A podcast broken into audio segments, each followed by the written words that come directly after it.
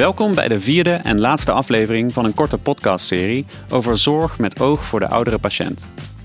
Ilona Meiland heeft jarenlang ervaring als verpleegkundige en werkt nu als adviseur van het leerhuis binnen het ETZ.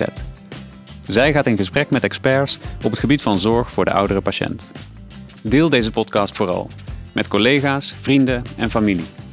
Maar eerst heel veel luisterplezier met aflevering 4. Focus op kwaliteit van leven met specialist ouderengeneeskunde Floor Bols. Ik ga in gesprek met Floor Bols, uh, specialiste ouderengeneeskunde. Uh, welkom Floor. Dank je. Uh, allereerst ben ik nieuwsgierig naar wat dat is, een specialist ouderengeneeskunde. En wat dan het onderscheid is met een geriater. Ja, ja nou, een, in het ziekenhuis zijn ze natuurlijk gewend met, aan klinisch geriaters. Hè. Uh, dat zijn artsen die vooral ges, gespecialiseerd zijn in een stukje diagnostiek en behandeling van de zieke oudere mens. Um, wat specialisten oudergeneeskunde doen, is uh, de oudere mens uh, revalideren. Bijvoorbeeld na een ziekte, na een ziekenhuisopname. Uh, een stuk herstelzorg. En de mensen die in het verpleeghuis wonen begeleiden. De chronisch zieken begeleiden, zodat ze nog een zo fijn mogelijk leven kunnen hebben. Dus heel erg gericht op kwaliteit van leven ook in het verpleeghuis. Ja. ja. Mooi. En wat is jouw rol dan binnen de ziekenhuissetting? Ja, ik heb wel een bijzondere rol. Um, ik uh, heb heel lang in het, in het verpleeghuis gewerkt, 14 jaar. En ik heb daar de opleiding gedaan tot palliatief arts. Uh, in die hoedanigheid werk ik ook nog steeds in het hospice in Tilburg.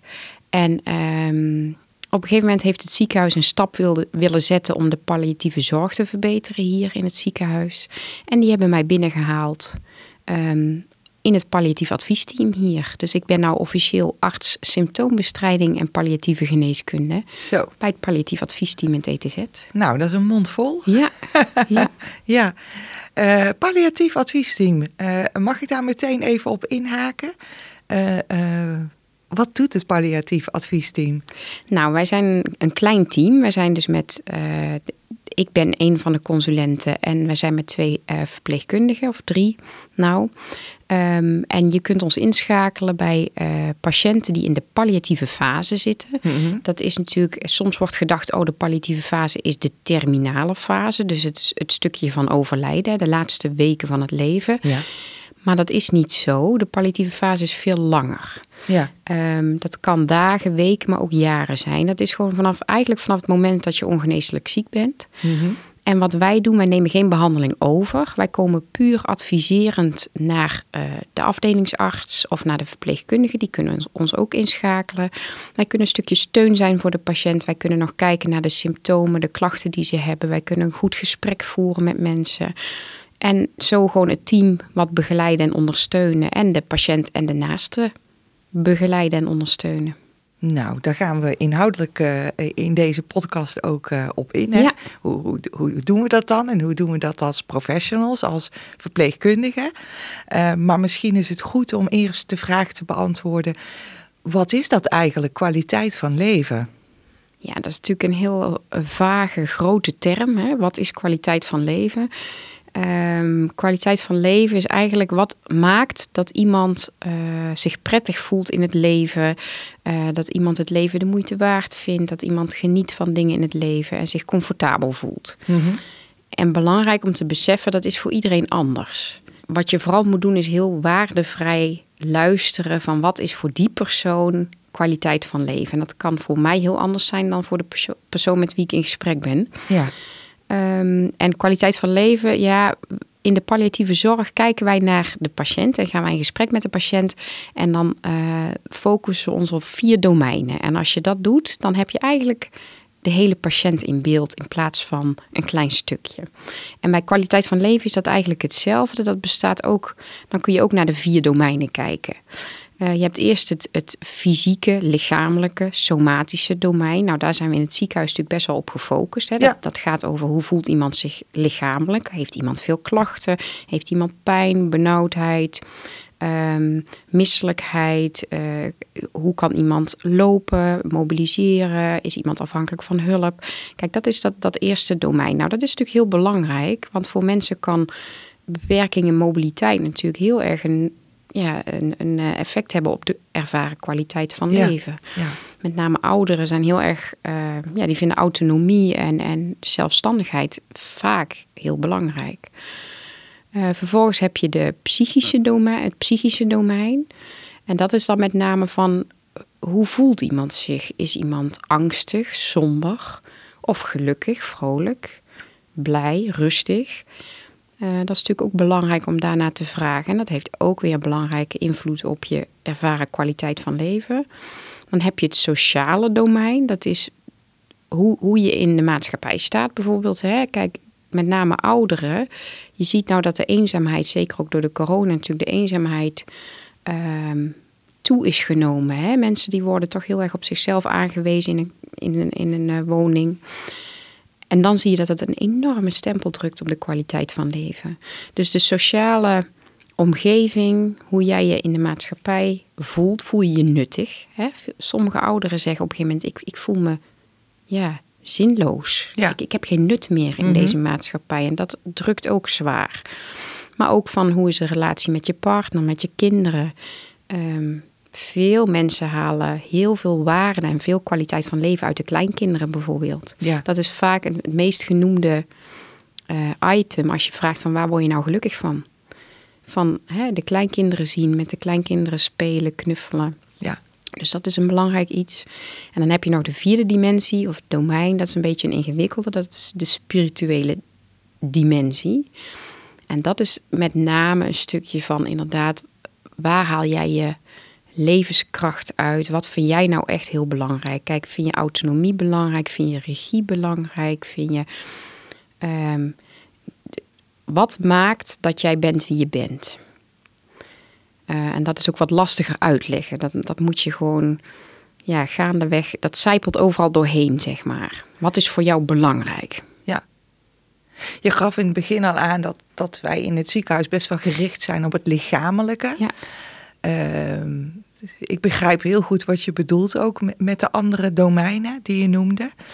Ehm, maar het is nog best wel lastig om daar eh, eh, vragen over te stellen.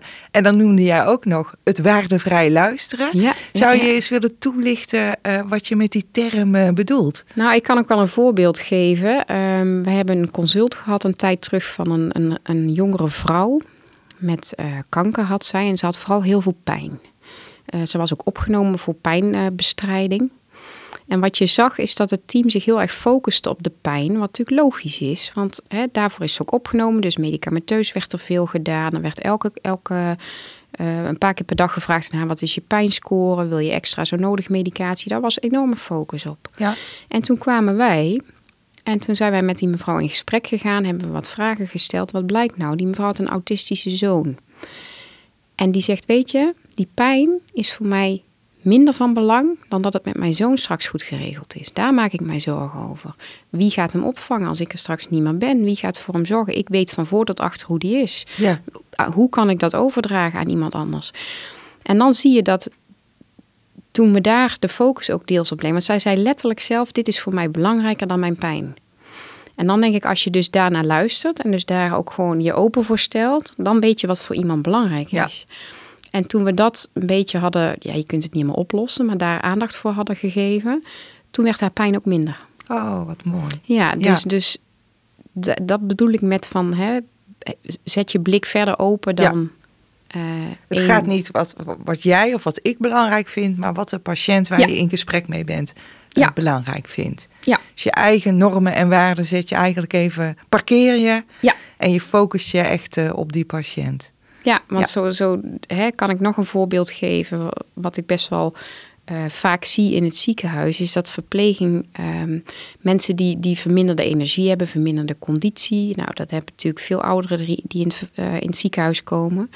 Ehm, die hebben moeite met het zelf douchen, is vermoeiend. Als ze gedoucht hebben, dan zijn ze bek af. Hè? En dan zijn ze daarna moeten ze echt een uur, twee uur bijkomen.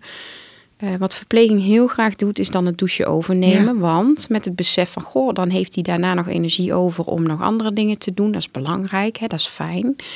Maar je hebt ook mensen die dat verschrikkelijk Ja. vinden. En die de regie en de zelfstandigheid van het zelf douchen belangrijker vinden dan de energie die ze daarna bespaard hebben. Ja. En als je daar niet naar vraagt, dan ga je vanuit goede bedoelingen ga je helpen. Maar dan is die man dus niet geholpen, Nee. die patiënt.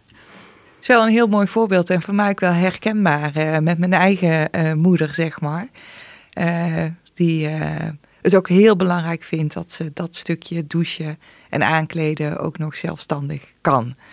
Terwijl ik als vanuit mijn positie als dochter en zoiets heb van, goh mam, dan kunnen we toch van je overnemen en dan heb je energie voor andere dingen. Ja, maar wel heel, heel mooi dat jij zegt, maar het gaat niet om mij, het gaat om die patiënt. En als Ja. die dat prettig vindt, dan moet je daarop inzetten. ja, dus die heeft een belangrijk ervaren kwaliteit van Ja, leven in het ja. de regie houden en Ja. de zelfstandigheid behouden, wat dat dan ook kost. Mooie voorbeeldjes geef je. Eh, ik heb zelf ook een voorbeeldje. Ik heb een klein fragmentje eh, van een patiënt in de wandelgangen die we gevraagd hebben wat kwaliteit van leven eh, voor hem betekent. Als ik geen kwaliteit van leven meer heb, dan hoeft het voor mij niet. Voor mij is kwaliteit van leven dat ik nog eh, niet heel de dag op mijn bed hoef te liggen en dat ik, eh, mijn verstand goed is. En eh, ja, ik ben, een- ik ben een buitenmens. En als ik voor het hele mijn leven binnen op een stoel of op een... Ja, dan zie ik het niet meer zo zitten. Dan zou ik er ook geen moeite mee hebben als het een keer stopte. Ja. Is dit voor jou herkenbaar? Ja. Is dit wat jij in jouw Nou, dagelijkse werk ook tegenkomt? Ik vind het knap dat hij het meteen kan uitleggen. Want wat ik vaak tegenkom als je rechtstreeks op de man afvraagt... wat is voor u kwaliteit van leven... dan, eh, dan is het lastig voor, voor veel mensen om dat meteen te beantwoorden. Ja. En dus ik vind het mooi om te horen dat deze man eigenlijk best wel concreet al iets kan zeggen wat voor Ja. hem belangrijk is. Hè? De natuur, het, het zelfstandig blijven, dus niet op bed komen te liggen, het mobiel blijven. Ja. Ehm, dus dat vind ik wel mooi om te horen. Mijn ervaring is dat het soms de term kwaliteit van leven voor mensen soms nog wat lastig kan zijn. Ja. Want die denken dan, wat bedoel je daar precies mee? Ja, ja en, en, en wat ik ook nog wel lastig vind, deze meneer was nog eh, eh, vrij vitaal. Hè? Wanneer wordt het dan belangrijk om dit gesprek aan te gaan? Ja, dat is natuurlijk, kijk, voor iedereen is het natuurlijk belangrijk. Hè? Voor ons is het ook belangrijk om jezelf eens te bedenken van, nou, waar haal ik mijn kwaliteit van leven uit? Hè? Wat maakt mijn leven fijn zoals het is?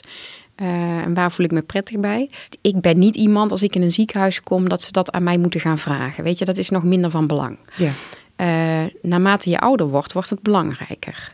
En wij zeggen als je een soort van markeerpunt zou willen hebben van wanneer moet je het er echt over gaan hebben, Mhm. dan eh, benoem ik graag de surprise question. Dat is een vraag die je als zorgverlener, vaak zeggen we wel dat is een beetje aan artsen voorbehouden, want die kennen heel de medische status van iemand en die kunnen ook een, het, het beste inschatten. Maar als verpleegkundige kun je dat ook al voor jezelf doen. Van als je bij die patiënt bent, zou het mij verbazen als deze patiënt binnen een jaar komt te overlijden. Het is niet dat je dan een prognose erop plakt, want je hoeft ook helemaal geen gelijk te hebben. Hè? Dat kan ook helemaal niet. Maar als het jou niet zou verbazen dat deze patiënt binnen een jaar dood zou gaan, dan zeggen we, dan markeer je eigenlijk de palliatieve fase waarin het echt belangrijk gaat worden om je ook op andere dingen te focussen. ja. Waaronder, wat is iemands kwaliteit van leven? Wat zijn iemands waarden? Wat zijn iemands wensen? Wat wil iemand nog? Wat wil iemand niet meer? Hè, hoe ziet, iemand dat laatste traject voor zich? Je gaat afspraken maken die je vast gaat leggen. Dus dat maakt het dan iets concreter. ja. En hoe pakken we dit soort gesprekken aan eh, eh, in het ziekenhuis? Ik, ik herinner me eh, wel toen ik zelf als verpleegkundige nog werkte, dat dit ook onderwerpen zijn waar je juist bijvoorbeeld in de nachtdienst of als je Ja. s'avonds even bij iemand zit, die gewoon ter Ja. sprake gaan komen. Eh, dan verloopt het ook eigenlijk op een hele natuurlijke manier. Eh, eh, hebben we een formuliertje of zo waar die vier domeinen op staan? Ja, dat zou wel eh, mooi zijn. Eh, Nee. of juist niet misschien, juist niet, om, nee. om echt die belangstelling te kunnen ja, nee, dat is tonen. eigenlijk wat je zegt. Dat is eigenlijk inderdaad niet. je- Je moet het open-minded ingaan. En het beste is gewoon open vragen stellen en laat iemand maar vertellen. Net als dat je die man van dat fragment net, dan denk ik, die vertelt prachtige dingen, Ja. heel interessante, belangrijke informatie met één vraagje. Hè? Op Ja. één vraag. Dus probeer het zo open mogelijk te houden. En inderdaad, verpleegkundigen spelen in het ziekenhuis een heel belangrijke rol. Eh, natuurlijk moet je wel beseffen, het ziekenhuis, mensen zijn hier natuurlijk niet voor niks. Die worden opgenomen, die zijn ziek. Dus die zitten wel even in een andere situatie dan dat ze thuis zaten. Dus de vraag is in hoeverre ze nu heel goed kunnen zeggen van nou, hè, eh, kijk, ze kunnen nu natuurlijk best wel zeggen, dit leven is voor mij niks meer. Maar goed, dat is natuurlijk ook in een crisissituatie dat ze zich ook even heel ziek voelen en ellendig voelen. Hè? Dus daar moeten we wel rekening mee houden dat het beste kun je die gesprekken voeren als iemand gewoon in een rustige fase zit. Ja. In een stabiele fase. Ja. Dus huisartsen, praktijkondersteuners, eh, thuiszorg, hè, die kunnen dat ook heel goed aanzwengelen. Ja. Maar dat wil niet zeggen dat we het in het ziekenhuis niet kunnen doen. En inderdaad, wat jij zegt, de verpleegkundige. Kijk, als arts is het in het ziekenhuis heel moeilijk. Je komt op een vast moment. Je komt hè, soms op een moment wat helemaal niet uitkomt voor iemand. Of iemand is dus net gedoucht of heeft zichzelf gedoucht en is bek af. Ja, die staat daar dan ook niet open voor. Die is moe of die heeft net heel veel pijn. Dus dan kom je ook al niet echt tot een gesprek. Dus voor arts is het heel lastig om het juiste moment te pakken. En verpleegkundigen die kunnen tijdens de zorg heel goed toetsen van... hé, hey, iemand is... Hè, iemand kan er goed over praten of dit is niet het juiste moment. En als dat zo is, kun je inderdaad tijdens de zorg heel... Ja, Heel luchtig, laagdrempelig. eh, Zonder dat er heel ja. veel lading... Kijk, als een arts zoiets komt vragen, heeft het lading. Van oeh, dat is, weet je, dan markeer je echt van oeh, dat is een heel belangrijk gesprek.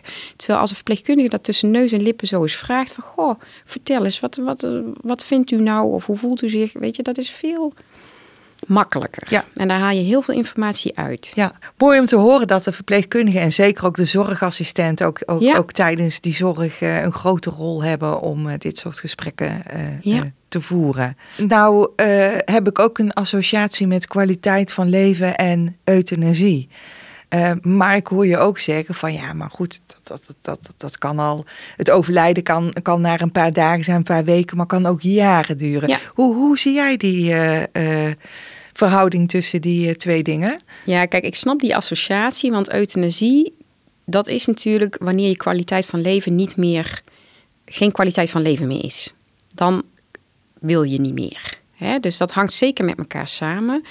Maar euthanasie is echt het laatste stukje. eh, terwijl ik denk, kwaliteit van leven is natuurlijk al veel langer belangrijk. Hè? Ook als je nog niet in dat stukje van, van euthanasie en van sterven en van hè, steeds zieker worden zit. Ja. Dus het, is, het hangt er zeker mee samen, maar het is niet één op één, zeg maar, euthanasie of kwaliteit van leven is euthanasie.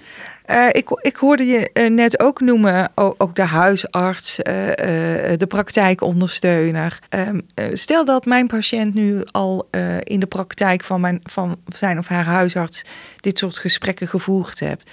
Ehm, hoe weet ik dat dan? Staat dat ergens beschreven? Of, Dat is een grote uitdaging nog. In heel Nederland hoor, zijn we daar Ja. heel erg mee bezig. Want advanced care planning, daar hebben we het dan over. Hè? Mhm. Een stukje vooruit te kijken en wensen en waarden van, van de patiënt toetsen en vastleggen. Dat is heel erg, zeker na de corona, heeft dat een echte boost gekregen. Dat we beseffen hoe belangrijk dat is. Ehm, en nu zijn we met een werkgroep zijn we gestart vanuit Samen Draads. Dat is een samenwerking tussen huisartsen en eh medisch specialisten uit het ziekenhuis. Om te kijken hoe kunnen we dat vorm gaan geven dat het ook, hè, wie voert het gesprek en hoe communiceren we dat naar elkaar? Dat, we alle, dat zowel het ziekenhuis als de thuissituatie weet wat er afgesproken en besproken is. ja. En inderdaad, wie voert het gesprek en hoe, dat- dat is nog wel te doen en te regelen. Ja. Maar hoe, hoe gaat die informatie dan gedeeld worden? Dat is nog wel een uitdaging. Ja. In de digitale wereld. in de digitale wereld. Ja. Ja. Even kijken hoor. Ehm, wa- wa- wa- we zijn denk ik al bijna op het einde van deze podcast gekomen. Ehm, ik vind het nog wel interessant om je, eh, van je te horen wat het eh, palliatief adviesteam kan betekenen voor de verpleegkundigen en de zorgassistenten. Nou ja, ik denk ook een stukje. ehm, wat wij soms hebben, consulten van verpleegkundigen die zeggen: Goh, deze patiënt. Die, die zit duidelijk in een palliatieve fase. En wij vragen ons af of we genoeg nou hebben gedaan voor die patiënt. Wil jij eens even meekijken? Hè, en dat is natuurlijk een hartstikke mooie vraag. Ja. Want dan voelen ze zich dus heel betrokken van... hey, hebben, we, hè, hebben we het voldoende gedaan? Hebben we aan alles gedacht? En dan komen wij met die patiënt in gesprek. Wij vragen inderdaad die domeinen ook uit. Ehm, wij maken daar een uitgebreide rapportage van... waar verpleegkundigen vaak zeggen... oh, daar hebben we best wel wat aan... want jullie vragen net weer andere dingen... en we gebruiken net soms andere woorden Ja. en andere vragen... Ehm, en dan kunnen we hun ondersteunen in van, oh ja, en soms is het advies, nou, jullie hebben het hartstikke goed gedaan. Volgens mij hebben jullie alles in beeld en hebben jullie het keurig geregeld. En soms kunnen we nog wat tips geven of aanvullende adviezen. En geven mensen ook vaak aan van, nou, wat een fijn gesprek. Wij hebben ook de tijd, hè. Wij kunnen Ja. gewoon echt naast iemand gaan zitten en wij kunnen gewoon een lang gesprek hebben, mocht diegene dat aan kunnen. Ja. En dat vinden ze ook vaak prettig. Is er nog iets wat je de verpleegkundigen en zorgassistenten uh, zou willen meegeven? Ja, ik had bedacht, uh, want ik heb deze vraag natuurlijk van tevoren gekregen. Geven ze een goede boodschap mee waar ze iets aan hebben. Ja. En ik had bedacht, ik heb, ik heb drie voorbeeldzinnen bedacht van hoe vraag je, hoe, hoe open je nou zo'n gesprek? Hè? Want dat is best nog wel ingewikkeld. Ja. Inderdaad, wat ik zei van hoe is je kwaliteit van leven? Ja, dat is te vaag. Dus ik dacht, nou, een heel simpele vraag kan zijn: hoe ziet nou een goede dag voor u eruit? Vaak kunnen mensen dat heel mooi omschrijven van, goh, weet je, een goede dag is voor mij dat ik, uh, dat ik niet misselijk ben een hele dag. Dat ik lekker in de bossen kan gaan wandelen, dat mijn kleinkinderen komen, noem maar op, dat ik met mijn hondje kan wandelen. Dus die kunnen dat vaak heel mooi omschrijven waar je al veel uithaalt. Dus dat is een heel luchtige, simpele, korte vraag. Ja, wat is voor u een goede dag? Ja, ja. dus onthoud mooi. die van, hé, hey, daar kun je gewoon een gesprek heel mooi mee openen. Um, dan kan nog een tweede vraag zijn, die is al iets moeilijker. Daar moeten mensen echt al wel over nadenken. Van wat is nou voor mij belangrijk om over u te weten, zodat ik voor u, goed voor u kan zorgen. Mm dan ga je alweer meer de diepte in van dat mensen kunnen aangeven, nou dit wil ik wel, dit wil ik niet meer. Bijvoorbeeld met dat douchen, hè, van nou ik vind het eigenlijk niet fijn als ik geholpen word, of ik vind het juist wel fijn als ik geholpen word, weet je. Dat is dan, dan word je wel iets concreter. En uh, de derde vraag, dat is, dat, dan moet je wel een patiënt hebben die wel goed, dat goed kan begrijpen. Dat is een, een wat ingewikkelde vraag, maar die patiënt hebben we ook. Daar zul je een beetje aan moeten voelen. Is van, wat zijn uw doelen? Wat wil u nog kunnen doen? En wat hebt u ervoor over om die nog te behalen en wat niet meer? Ja. Dus dat is alweer iets concreter. Um, dus die moet passen bij iemand. Maar dan kunnen mensen toch ook vaak wel mooie dingen zeggen. Nou, er zijn drie hartstikke mooie vragen om een uh, goed gesprek uh, te openen. Uh, dan wil ik je bedanken voor dit gesprek over kwaliteit van leven. Ehm, en ik denk dat wij als verpleegkundigen aan de slag kunnen met alle informatie die je met ons eh, gedeeld hebt. Dank je wel daarvoor. Heel graag gedaan. Dat was het. Je luisterde naar de slotaflevering van Met Zorg opgenomen. Een vierdelige serie over zorg voor kwetsbare ouderen. Vond je het een mooie serie? Stuur hem dan vooral door. Heel erg bedankt voor het luisteren en wie weet tot een volgende keer.